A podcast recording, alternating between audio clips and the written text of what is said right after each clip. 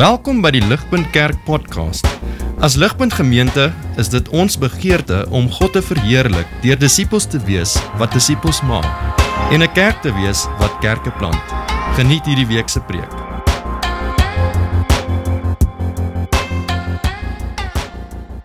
So vriende, hier is ons weer. Hier is ons weer in die stertkant van die van die derde vlaag van van Covid en ek en ek dink baie van ons nie, ek dink almal van ons is redelik opgewonde dat ons lewens weer so klein bietjie na normaal toe kan stadig maar seker weer terugkeer. Maar die groot vraag is hoe lyk normaal nou weer? Ehm um, dis crazy nie. Is crazy as jy terugdink oor hierdie laaste 18 maande of so van die Covid pandemie en hoe die wêreld waarin ons onsself bevind heeltemal verander het en hoe ons lewens totaal verander het oor die laaste 18 maande en ek dink 'n spesifieke area waar veral ons as gelowiges hierdie verandering die akutste voel en ervaar is juis wanneer dit kom by ons lewe saam met God se mense. Ons lewe saam as die gemeenskap van gelowiges. En ehm um, daar's baie dinge wat ons vir die Here voor kan dankie sê in die laaste 18 maande en die verstommende manier met innoverende wyse waarop ons nog steeds danksy tegnologie as die kerk uh, by hoek of by kroeg kon bymekaar uitgekom het en ons prys die Here vir dit. Maar vriende, ek dink daar is 'n groot vraagstuk wat by baie van ons al vir 'n hele rukkie krap en wat swaar op ons rus. En dit is juis hierdie vraag, vriende, watter effek gaan hierdie pandemie van die laaste 18 maande hê op ons as die kerk wêreldwyd? Wat gaan die effek daarvan wees op ons in persoon bywoning? Wheaton College in Amerika het onlangs 'n studie uitgebring. Die die studie was getiteld gewees The COVID-19 Church Attendance Project waar hulle meer as 600 verskillende kerke in 47 van die state in Amerika, hulle het oor 400 000 gemeentelede in daardie kerke het hulle hierdie survey mee gedoen en wat hulle in hierdie studie ehm um, wat hulle bevinding was dat sedert Januarie 2020 tot Januarie 2021 is die in-persoon bywoning van gemeentelede in kerke het met 60% geval in daardie jaar. Dit beteken vir elke 10 mense wat in Januarie 2020 nog in persoon met hulle geloofsgemeenskap bymekaar gekom het, teen Januarie 21 was daar net 4 persone van daardie 10 wat nog steeds in persoon by mekaar kom. Nou dit was grootendeels natuurlik danksy of gegeewe uh die beperkings wat deur regerings daar ingestel was. Maar vriende wat in internasionaal die uh, ons nou sien uitspeel en so ook in ons land en selfs hier ook in ons midde is dat selfs daar wanneer die beperkings, die restrictions gelig word is daar nog steeds 'n afname in gemeentelede se in-persoon bywoning. Het sy dit is op Sondag by hulle Sondagdienste of selfs deur die week in hulle in hulle huis, huisgroepe en daar's baie redes daarvoor. Daar's baie redes hoekom ons in-persoon bywoning gedaal het. Uh die die obvious ding natuurlik is hoe baie mense maar nog steeds en dis fair enough nog steeds skrikkerig is vir vir COVID. Dan het jy die die die die feit dat gegeewe al die tegnologie dit maak dit baie mense om eerlik te wees het nou redelik gerieflik geraak met die feit dat hulle by hulle huis kan sit en hulle pyjamas kan sit en kan kerk hou. Dan is daar hierdie hele Afrikaanse gesegde van uit die oog uit die hart. Jy weet wat gebeur dat as jy mense nie face to face meer baie sien nie, dan wat gebeur is maar stadig maar seker raak jou begeerte ook minder om eintlik hulle meer en meer te sien. En dan verder is daar ook hierdie hele idee van dat ons as mense is gemaak dat ons gewoontes het en dat ons goeie ritmes of ritmes in ons lewe het en daar wanneer daai goeie gewoontes en daai goeie ritmes so klein bietjie um begin en stop en begin en stop soos wat gebeur heeltyd met lockdowns dan is dit moeilik om weer in daardie ritmes in te kom. So daar's baie redes hoekom in persoon bywoning nie net in die wêreld daar buite nie, maar selfs in ons midde so klein bietjie afgeneem het. Maar dit dit bly die geval. Ek dink hierdie observasie sien ons reg deur die wêreld en ons sien dit hier vriende by ons by Ligpunt is dat na die eerste vlaag en toe nog soveel te meer na die tweede vlaag het ons in persoon bywoning het afgeneem. En dit is waar ons waaroor ons vandag wil gesels. Soos ek net genoem het, ons is besig met hierdie ons maak klaar met hierdie reeks 'n woord op sy tyd en vriende, hierdie is 'n 'n woord wat ons glo ons nodig het om te hoor juis in tye soos vandag. So hoor dit, ligpunt, hoor dit. Ons het nodig as 'n geloofsgemeenskap om weer in persoon by mekaar uit te kom. Ligpunt ons moet nie ons samekomste as 'n kerk verwaarloos nie. Ons het eerder nodig om in die krag van die Here weer soos dit was ons lewens te herkalibreer om die pulpunt wat God en sy mense is. Ons het nodig om dit te doen. Ons het nodig om opnuut te besef dat ons in persoon fisiese samekomste vriende dit is nie dit is nie 'n opsionele ekstra in die lewe van ons as gelowiges nie dit is absoluut noodsaaklik vir jou en vir my dat ons in persoon bly by mekaar uitkom as 'n kerk en om ons aan te spoor tot daardie woord tot hierdie woord wil ons dit natuurlik sien uit God se woord uit en dit is wat ons teksgedeelte vir ons vandag wil doen. Tel asseblief die blaadjie op daar voor jou as jy dit het of as jy daar by die huis is. Tel asseblief jou Bybel op, maar hou jou Bybel oop dat ons kan sien dat dit is wat God vir ons in hierdie gedeelte um, in soveel detail vir ons vandag uitspel. Hebreërs 10 vers 19 tot 25 en laat jou oë sommer dadelik gaan na die heel laaste versie daar in vers 25. Want dit is juis vers 25 wat hierdie waarheid uh, aan ons vandag wil kommunikeer. Vers 25 sê die skrywer van Hebreërs sê God vir ons vandag laat ons nie ons eie samekomste verwaarloos nie soos sommige se gewoonte is maar laat ons eerder mekaar bly aanmoedig Hoekom hoekom moet ons nie ons samekomste verwaarloos nie? Hoekom moet ons bly by mekaar aan eh, uitkom en mekaar aanmoedig? Wel, die teksgedeelte wil ons hier tot motiveer. Twee waarhede vriende in daai gedeelte wat ek wil hê ons moet sien. Ons gaan eerstens kyk na die die voorreg wat gelowiges geniet en daarna gaan ons saam kyk na die verantwoordelikheid wat gelowiges het. So so kyk saam met my daar. Hou jou oë daar vers 19 tot 21 die voorreg wat gelowiges geniet. sien raak saam met daarso vers 1921 vriende uh, is is die skrywer is die taal wat die skrywer daar gebruik is vol van Ou Testament vol van Ou Testament offersisteem taal het jy dit daar gespot in daai gedeelte dis woorde soos bloed en dit is 'n woorde soos heiligdom en tempelgordyn en priester en huis van God. Dis alles hierdie Ou Testament instellings van God in die Ou Testament wat God juis ingestel het om in die eerste plek 'n baie belangrike waarheid aan sy eie mense te kommunikeer, maar hier sy mense was hierdie 'n waarheid wat God in die aan die hele wêreld wou kommunikeer en hierdie is wat daardie Ou Testament instellings gekommunikeer het. Naamlik dat die Here, hy wat God is, dat hy heilig is. En dat die mens sondig is. En dat die enigste manier wat 'n sondige mense in 'n verhouding met 'n heilige God kan verkeer is as daar 'n middelaar is.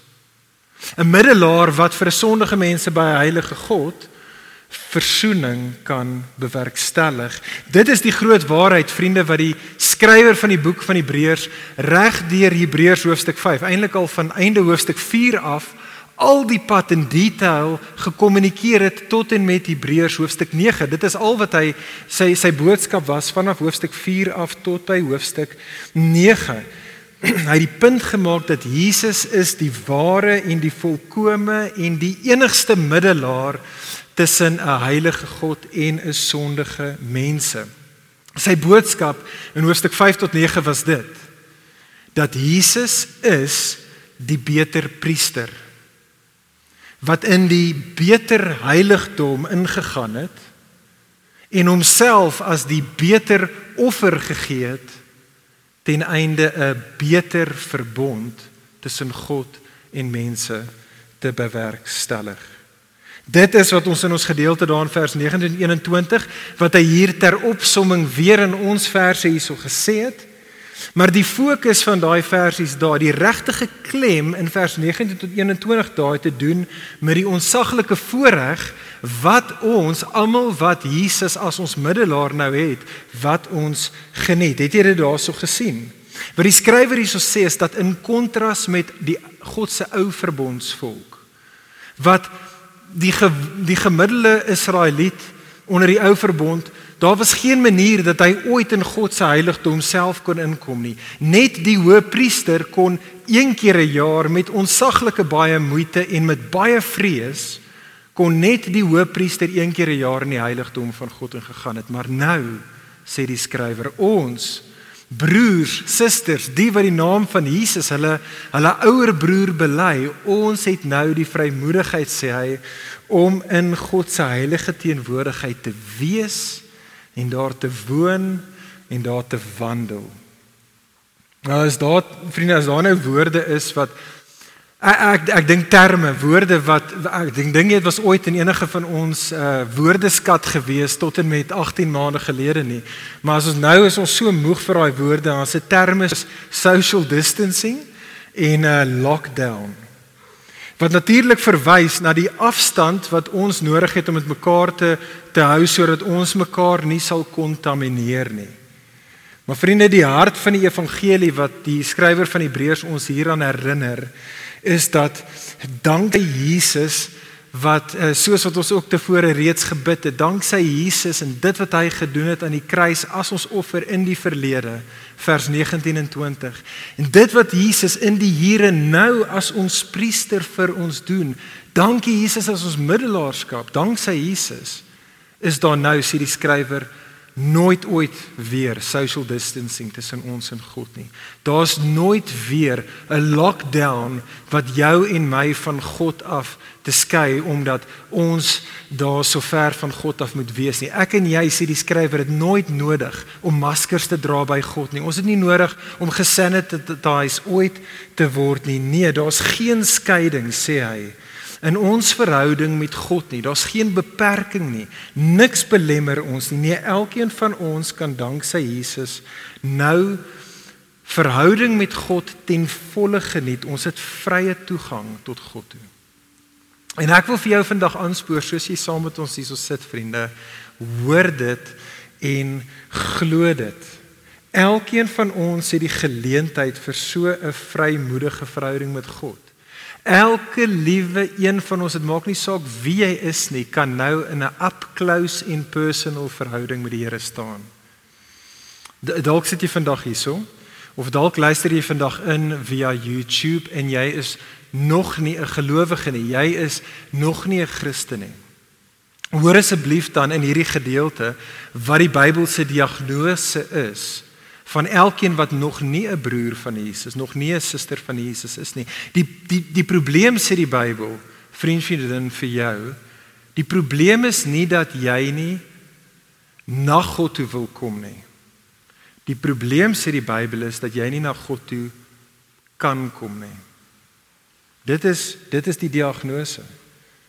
Jou sonde diskwalifiseer jou om na God toe te kan kom. God se heiligheid verhoed jou om na God toe te kan kom. Maar dank die Vader dat daar is hoop vir sondaars soos ek en jy. In in in Hebreërs 2 vers 9 tot 12 kom die skrywer van Hebreërs en hy en hy sê vir sondaars soos ons, hy sê dat elkeen wat na Jesus se kruisdood kyk en wat Jesus se kruisdood ag en sien as die doodsvonnis wat hulle sonde verdien. Hebreërs 2 sê dat Jesus het maak sulke mense heilig. En dan sê Hebreërs 2 vers 11 en Jesus is nie skaam om sulke mense nou broers te noem en om hulle susters te noem nie. En dit is goeie nuus want ons gedeelte hierso sê in vers 19 dat die wat broers en susters genoem het, het nou vrymoedigheid. Hulle kan nou na God toe kom. Hulle het nou vrymoedigheid om in God se heiligdom te, te betree. Christen, as jy vir nog hierso sit en jy is 'n Christen, besef asseblief tog dit is moontlik, nê? Nee. Dis moontlik vir jou en vir my as Christene om in 'n versoende verhouding met God te wees, maar nog steeds nie die volheid van daardie verhouding met God te geniet nie. Dit is moontlik vir jou en vir my as Christene om wees ons eie sonde of van die verlede of dalk van die hede nog steeds uh, te voel deur daai sonde so gekastei te word dat jou funksionele geloof maak dat jy nie eintlik vrymoedigheid het om in die aangesig van God te wandel nie. Julle sien vriende, dit is wat sonde doen. Sonde is 'n dief. Sonde beroof jou en my van ons vrymoedigheid by God. En dit is wat die duiwel doen. Die duiwel is 'n leenaar. En so wat die duiwel doen met ons as gelowiges wanneer ons herinner word aan ons sonde van die verlede of van die hede wat die duiwel doen is hy fluister in jou oor en hy sê vir jou ja besef dit o sogenaamde Christen jy is nie regtig eintlik welkom by God nie. God is nie regtig tevrede met jou nie wat die duiwel doen is hy fluister in ons as Christene se oor hy herinner jou aan jou sonde hy sê vir jou jy, jy moet besef dat God se geduld met jou gaan uitloop En God se genade vir jou gaan op 'n stadium opdroog. Jy het nodig om dit te besef. Dis wat die duiwel vir ons sê. En indien dit jy is Christen en dit is so dat jy begin daai stemme te glo, hoor dan van vanoggend opnuut God se stem hier in hierdie gedeelte. Hoor hierdie woorde van vers 19 en 20. Vers 19 dat danksy Jesus se dood op die kruis en sy bloed wat jou bedek, het jy nou totaal en alle vrye toegang tot God. Die daar is vers 20 hierdie nuwe en hierdie lewende weg wat reeds vir jou geopen is. Christen glo dit. Daar is geen sonde vlaag wat ek en jy teweeg kan bring wat ooit weer social distancing en 'n lockdown tussen ons en God kan bewerkstellig. Niks nie. Niks wat jy kan doen kan daai muur tussen ons en God ooit weer oprig nie. Maar baie belangrik, as dit is wat Jesus gedoen het deur sy kruisdood, as dit is wat Jesus in die Here vir ons doen as ons priester, as Jesus dit moontlik gemaak het vir jou en vir my om in 'n vrymoedige verhouding met God te staan, wel wat staan ons dan te doen? Wel dit is die res van die gedeelte. Dit is wat ek wil hê ons moet daarso sien in vers 22 tot 25. So hou weer jou jou Bybel byderhand of die teksgedeelte byderhand. Vers 22 tot 25. Ons het gekyk na die die ehm um, die gelowiges se se se voorreg of die voorreg wat gelowiges geniet. Nou kyk saam met my hier in vers 22 tot 25 die verantwoordelikheid wat gelowiges het. Hier in die tweede helfte van ons gedeelte sien ons kom die skrywer en die en die skrywer gee hier vir ons as gelowiges 3 opdragte. Hy gee vir ons hier 3 verwante opdragte. Die eerste een is daar in vers 22 en ek wil dit vir ons lees. Kyk saam met my. Die skrywer sê: Christen, broer, suster, laat ons daarom ingaan met 'n opregte hart in volle geloofsekerheid met ons harte besprinkel vry van 'n slegte gewete en ons liggame gewas met skoon water. So die logika is redelik eenvoudig. Hy het gesê in vers 19 dat danksy Jesus het ons vrymoedigheid om die heiligdom in te gaan vers 19. Hy het gesê vers 20 dat Jesus het vir ons 'n nuwe en 'n lewende weg oopgebaan en so vers 22 sê hy nou vir ons daarom laat ons daarom ingaan. Die skrywer sê vir jou en vir my Christen maak volle gebruik van die voorreg wat jy reeds het. Hy sê vir ons Christen moenie deur die lewe gaan Waar jy so bewus is van jou eie sonde en jou tekortkominge, waar jy luister vir die leuen van die duiwel en waar jy aanhou dink ek is in die dog box by God nie. Hou op om dit te doen, sê hy vir jou en vir my. Hou op om te dink dat jy het weens jou eie sonde Christus nodig om jou afstand te hou van God af. Want jy is eintlik nie goed genoeg en eintlik welkom en eintlik reg om by God te wees. Die skrywer sê hou op daarmee. Nee trek eerder nader sê hy. Lê in met al jou gewig sê die skrywer in hierdie verhouding met God en kom na jou God toe sê die skrywer. Kom na hom toe. Hoe Wel kyk saam met daar in die vers, kom na hom toe met 'n opregte hart. Met ander woorde, ja, jy het nog steeds sonde, so jy kom en jy neem eienaarskap van jou sonde. Jy verdraai dit nie, jy maak nie asof dit daar is nie. Jy kom met jou sonde met opregte hart, jy own jou sonde, jy neem eienaarskap daarvan, maar jy kom na die Here toe met dit. Jy kom na hom toe met dit.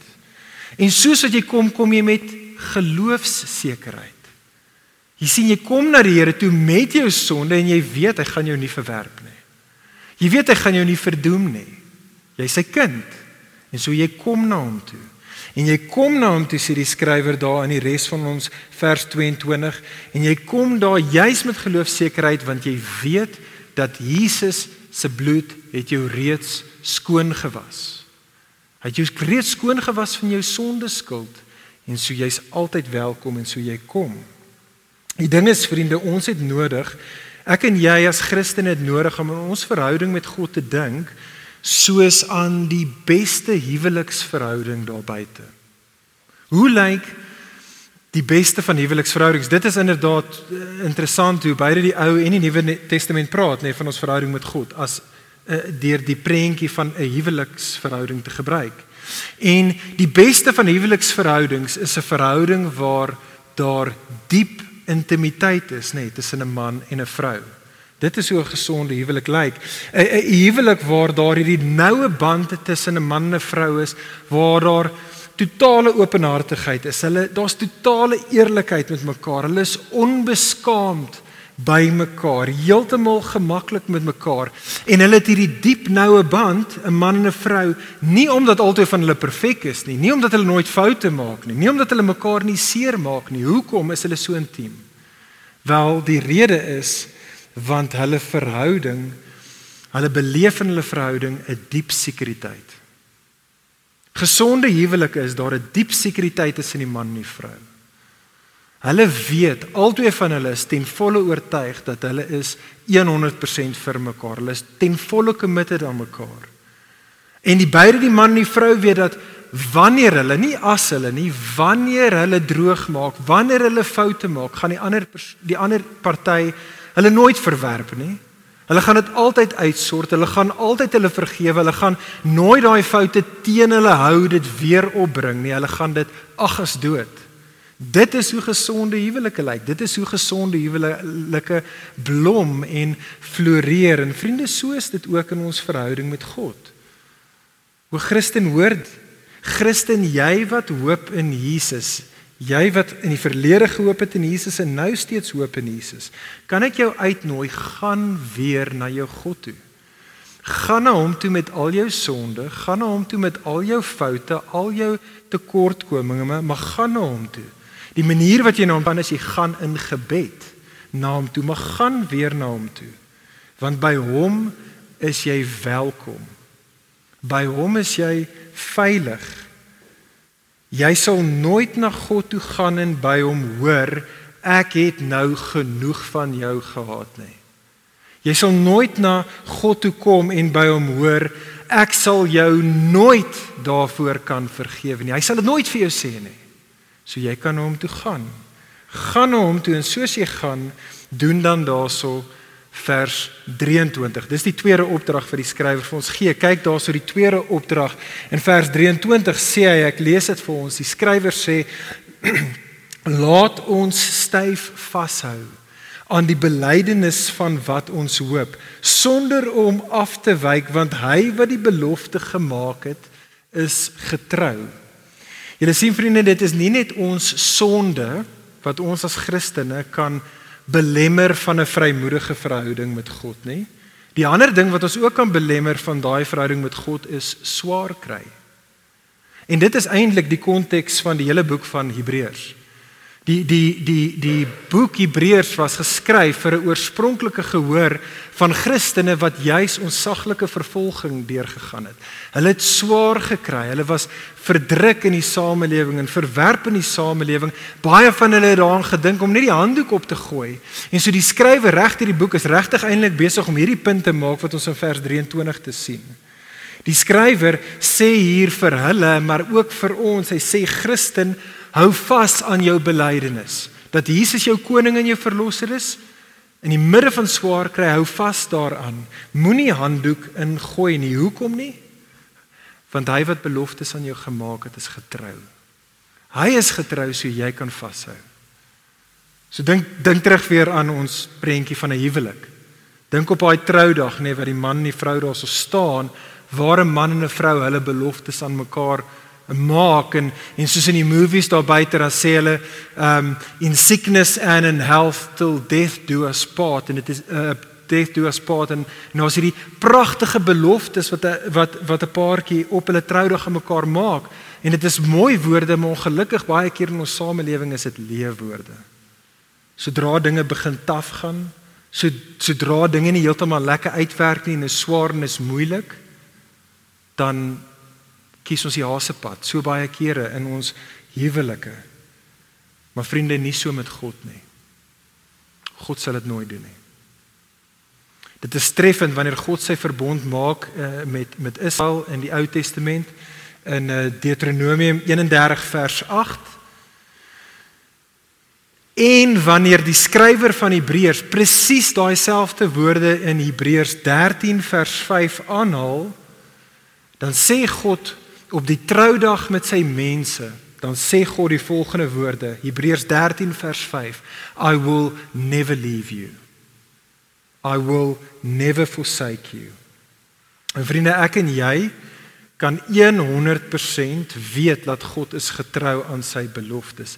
Hy sal ons nooit leave of forsake nie. Die rede hoekom ek en jy dit kan weet, is hy was selfs bereid om sy eie geliefde seun te leave en te forsake aan die kruis ten einde getrou te bly aan hierdie beloftes wat hy in sy verhouding met jou en met my gemaak het. En so Christen hoor dit vandag. Waar ook al jy jouself tans mag bevind, dalk het jy nodig vandag om hierdie woorde van vers 23 weer te hoor. Ek weet nie wat is die swaar kry in jou lewe tans nie. Dalk is dit dat jy swaar kry met betrekking tot jou fisiese gesondheid. Dalk is dit dat jy finansiëel baie baie klippe kou.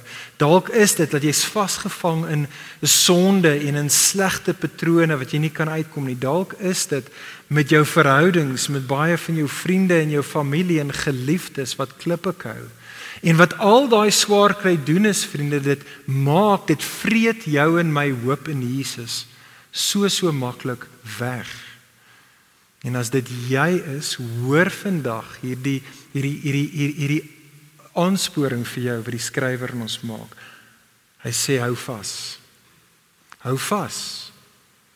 Hou vas aan Jesus. Hou vas aan jou hoop in Jesus en hierdie is hoekom jy kan jy kan vashou want hy hou baie stywer vas in jou as wat jy ooit in hom kan vashou.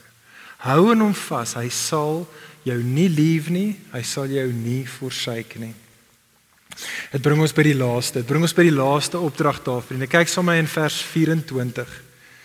Die skrywer gaan aan en hy sê vir jou en vir my vers 24 laat ons ook laat ons ons ook daarop toelê om mekaar aan te spoor tot liefde en goeie dae.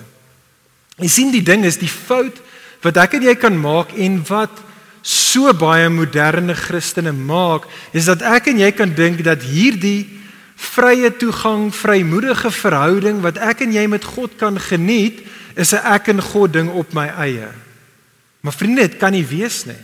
Jy sien sonde in ons en swaar kry om ons is net sulke sterk vyande dat ek en jy kan nie in hierdie verhouding ding met God funksioneer op ons eie nie. Ons kan nie. Ons het ander nodig. Kyk aan vers 24. Ons het medegelowiges nodig wat ons kan aanspoor tot liefde en wat ons kan aanspoor tot goeie dade. Liefde tot God, liefde tot ons medemens. Ons het ander nodig om ons te kan aanspoor tot dit. Ons het ander nodig wat ons kan aanspoor tot goeie dade wat God gaan verheerlik en wat tot voordeel gaan wees van ons medemens. Daai woordjie daarso aanspoor in die in die King James eh, ou vertaling is dit die woordjie provoke. Let us provoke one another sê hulle. En die NIV is dit die woordjie spur one another on. Wat is 'n spur. Dit is natuurlik daai, dis nie die plek waar jy gaan eet nie, dis daai daai metaalgoeders wat ouens wat perde ry agter op hulle hakke het. Uh, dis 'n spur wat jy die perd mee aanspoor. Dit is waar die woord aanspoor vandaan kom van die Nederlands af en 'n spoor is die ding wat jy die perd mee aanwakker sodat die perd sal doen wat hy moet doen. Hou daai prentjie in jou in, in jou koppe vriende want dit is wat kerk is. Dit is wat ons behoort te doen. Ons is saam met mekaar sodat ons mekaar kan aanspoor. Sodat ons harte se eerste liefde God en ons medemense sal wees en ons spoor mekaar aan tot dit sodat ons ons lewens sal lewe op so 'n manier wat ander sal bless en wat God sal verheerlik en ons spoor mekaar aan tot dit. En vriende baie belangrik dan, en hoor asseblief tog mooi. Nou kom ons by vers 25. Dit is vriende, hoekom vers 25 ons nie ons samekomste as die kerk mag verwaarloos nie. Dit is hoekom ons moet aanhou by mekaar uitkom om mekaar te aan te moedig. Hoekom? Want hoor mooi. Want vir jou en vir my om 'n vrymoedige verhouding met God, vers 19 tot 21 te kan hê. 'n Intieme verhouding, vers 22. 'n Standvaste verhouding met God, vers 23. 'n Vrugdraande, oorvloedige verhouding. Vers 24 vir ons om so 'n tipe van verhouding met die Here te kan hê het ons vers 25 'n gemeenskap van gelowiges nodig. En so ligpunt ligpunt kan ek gen my die geleentheid om net vir 'n oomblik ons dus aan te spoor Ligpunt kom ons in hierdie nuwe seisoen en prys die Here dat ten minste vir nou is hierdie derde vlaag van Covid besig om te sak. Kom ons wees verantwoordelik en kom ons wees versigtig en kom ons kyk uit vir ons eie maar ook vir mekaar se fisiese gesondheid. Maar asseblief ligpunt. Kom ons wees meer besorgd oor ons geestelike gesondheid. Asseblief. Soos wat ek met baie van julle gesels het oor die laaste tyd, hoor ek storie op storie van ligpunter wat sê dat die laaste 18 maande was nie goed vir jou en vir ons verhouding met die Here nie. Daar's 'n mate waarin ek en jy nie te veel moet uitgefreek wees daaroor nie. Dit is wat gebeur as jy isoleer. Isolasie van ander gaan jou en my verhouding met die Here op 'n negatiewe manier beïnvloed. En dit is vir daardie rede, kyk na ons teksgedeelte, lees dit van agter af vorentoe. Dit is vir daardie rede hoekom ons nodig het om by mekaar uit te kom vers 25 en mekaar aan te moedig sodat ons vers 24 mekaar kan aanspoor tot liefde en goeie dade sodat ons mekaar kan help vers 23 om daardie beloftes van God te aanhou te hoor en dat ons mekaar kan help vashou in die swaar tye daaraan sodat ons vers 22 mekaar saam met ons kan sleep dat ons almal nader in 'n intieme verhouding met die Here vers 22 kan wandel en dit alles vers 19 tot 21 sodat ons mekaar heeltyd herinner aan Jesus sodat ons heeltyd mekaar herinner in die gospel wat Jesus gedoen het aan die kruis, hoe Jesus nou as ons priester en koning oor ons regeer en vir ons intree. Vriende, dit is hoekom kerk daar is. Dit is hoekom God dit ingestel het. Ek en jy kan nie 'n verhouding met hom hê regtig deur die sonde en die swaar kry behalwe as ons saam met mekaar gaan wees nie. Julle sien vriende prakties prakties gesproke is jou en my geestelike vernuwing is eintlik bitter eenvoudig. Kyk saam met daan vers 25. Moet dit nie mis nie. Die skrywer sê die verwaarlosing van die samekomste van die gemeente is sommige se gewoonte. Nou die amazing ding van gewoontes is dat ek en jy kan slegte gewoontes kan gebreek word en goeie gewoontes kan weer aangeleer word. Dis 'n wonderlike ding van gewoontes. En so kom ons doen dit. Kom ons doen dit ligpunt. Kom almal van ons opnuut. Kom elkeen van ons commit weer aan die Here, aan onsself en ons commit aan mekaar dat ons nie ons Sondag samekomste gaan verwaarloos nie. Nou ons is hard besig om te dink aan kreatiewe maniere wat ons meer van ons in persoon op Sondag hier kan kry. Maar kan ek jou aanspoor, ligpunter, kom ons staan tou om te RSVP om hier op Sondag te wees. Soos wat elkeen van ons vir 8 ure gaan staan het by Clicks en Diskem om 'n vaksin te kry. Hierdie is belangriker. Kom ons staan tou om hier te kan wees. Baie kere dan sê ons vir mekaar, ons weet nie lekker hier in die weste, hoe gaan dit ooit lyk vir ons om 'n klein bietjie te suffer vir ons verhouding met die Here nie. Wel hier is 'n manier. Kom op 'n Sondag as 'n 100 plekke buite en kom kry so klein bietjie koud vir Jesus. Ons kan 'n 100 van ons buite kry en wanneer hulle dit gaan verder oopstel, dan kan ons 200 buite kry. Kom ons doen dit en ons sit hier onder die bome. Is actually nie suffering, is actually amazing. Maar kom ons doen dit. Kom ons commit weer dat ons op Sondag bymekaar gaan kom want ons het dit nodig en ander het dit nodig. Vriende, kom ons kom kan ek ons nooi selfs met terug op Sondag. Kom ons kom vroeër. Kom ons kom soos in die goeie ou 'n halfuur voor die tyd saam sodat ons koffie kan drink. Kom ons bly 'n halfuur na die tyd sodat ons kan tyd spandeer met mekaar, sodat ons weer mekaar kan bemoedig en te kan aanmoedig. Kom ons commit weer opnuut tot dit. En ligpunt, kom ons commit aan die Here en aan onsself en aan mekaar dat ons weer by ons ligpunt gesinne gaan uitkom. Religious gatherings is weer toegelaat tot en met 50. Soos jou ligpunt gesin onder 50 is, kan jy hom hou. Kom by jou ligpunt gesin uit. Kom ons doen dit weer. Kom ons almal herkalibreer weer. Kom ons recommit en kom ons wees weer betrokke. Kom ons wees weer gereeld in die gemeenskap van gelowiges daar by ons ligpunt gesinne. Kom ons vind geleenthede en maniere wat ons in die coffee shops en in die restaurante bymekaar uitkom. Dit is 'n amazing tyd en 'n plek waar ons kan saam sit met iemand in jou ligpunt gesin of iemand in die kerk en by wyse van vriendskap mekaar te disipel en die Bybel selfs oop te maak en een tot een saam Bybel te lees daar soos wat jy 'n lekker koffie geniet. Kom ons doen dit weer opnuut. En laaste ding vriende, kom kamp saam met ons. Kom kamp saam met ons. 19 tot 21 uh September gaan ons kamp met ons uh, tussengolwe kamp saam. Nuwe venue, dit lyk awesome. Daar's al reeds 'n magdom van ons wat opgeteken het. Kom ons kom by mekaar uit sodat ons ou vriendskappe weer kan hervat, sodat ons nuwe verhoudings en vriendskappe weer kan smee. Maar vriende, kom ons kom by mekaar uit. Jy het dit meer nodig as wat jy dalk besef. En die ander het jou meer nodig as wat jy ooit mag besef. Kom ons kom by mekaar uit. Ek wil hiermee afsluit. Vriende, ek wil afsluit.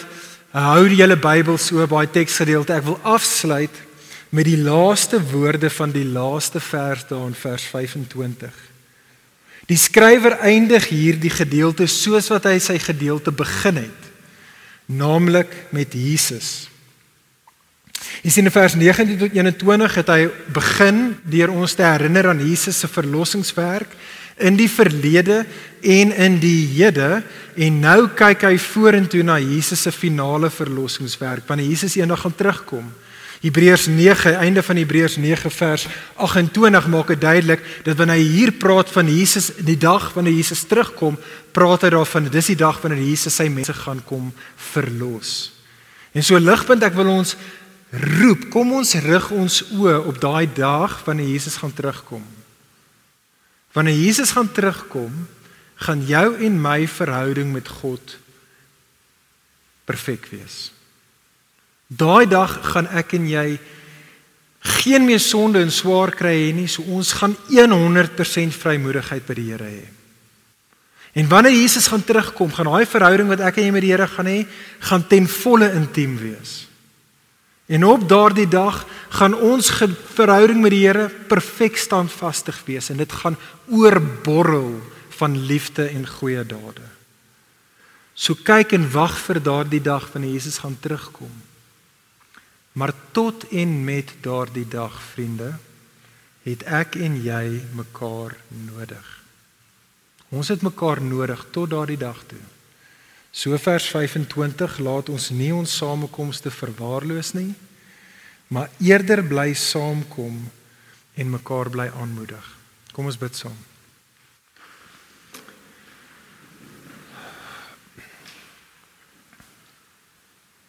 Vader, ons wil vir U loof en prys vanoggend vir U seun. Ons offer, ons priester, ons middelaar. Jesus, ons wil vir U dank dat ten spyte van ons sonde, ten spyte van die duiwel se probeerslae en van gebrokenheid in hierdie wêreld, Here, is ons verhouding met U veilig en is daar soveel meer in hierdie lewe reeds van daai verhouding wat ons kan geniet. Ons loof en ons prys U daarvoor, Here, en ek bid en ek wil vir U dankie sê, Here, vir die uitvindsel, vir die geskenk wat die gemeenskap van die gelowiges. Here, dankie vir broers en susters wat U in ons lewens plaas om ons oë op Jesus te hou en om ons te help soos wat ons agter Jesus aanstap. En Here, ek bid, Here, dat soos wat hierdie derde vlaag besig is om um, tot 'n einde te loop, Here, dat U 'n nuwe werk in ons harte en in ons ligpunt gesinne en in ons gemeente teweeg sal bring. Bring herlewing, Here. Ag Here, bring ons terug na daai plek waar ons so na as moontlik aan die hemel, hemel kan proe nou saam met die mense. Here, doen daai werk in ons. Here, ons sien uit om te sien hoe U daai werk gaan doen. Ons loof en ons prys U in Jesus se goeie naam. Amen. Vir meer inligting oor Ligpunt Kerk, besoek gerus ons webwerf op www.ligpunt.com of kontak ons gerus by info@ligpunt.com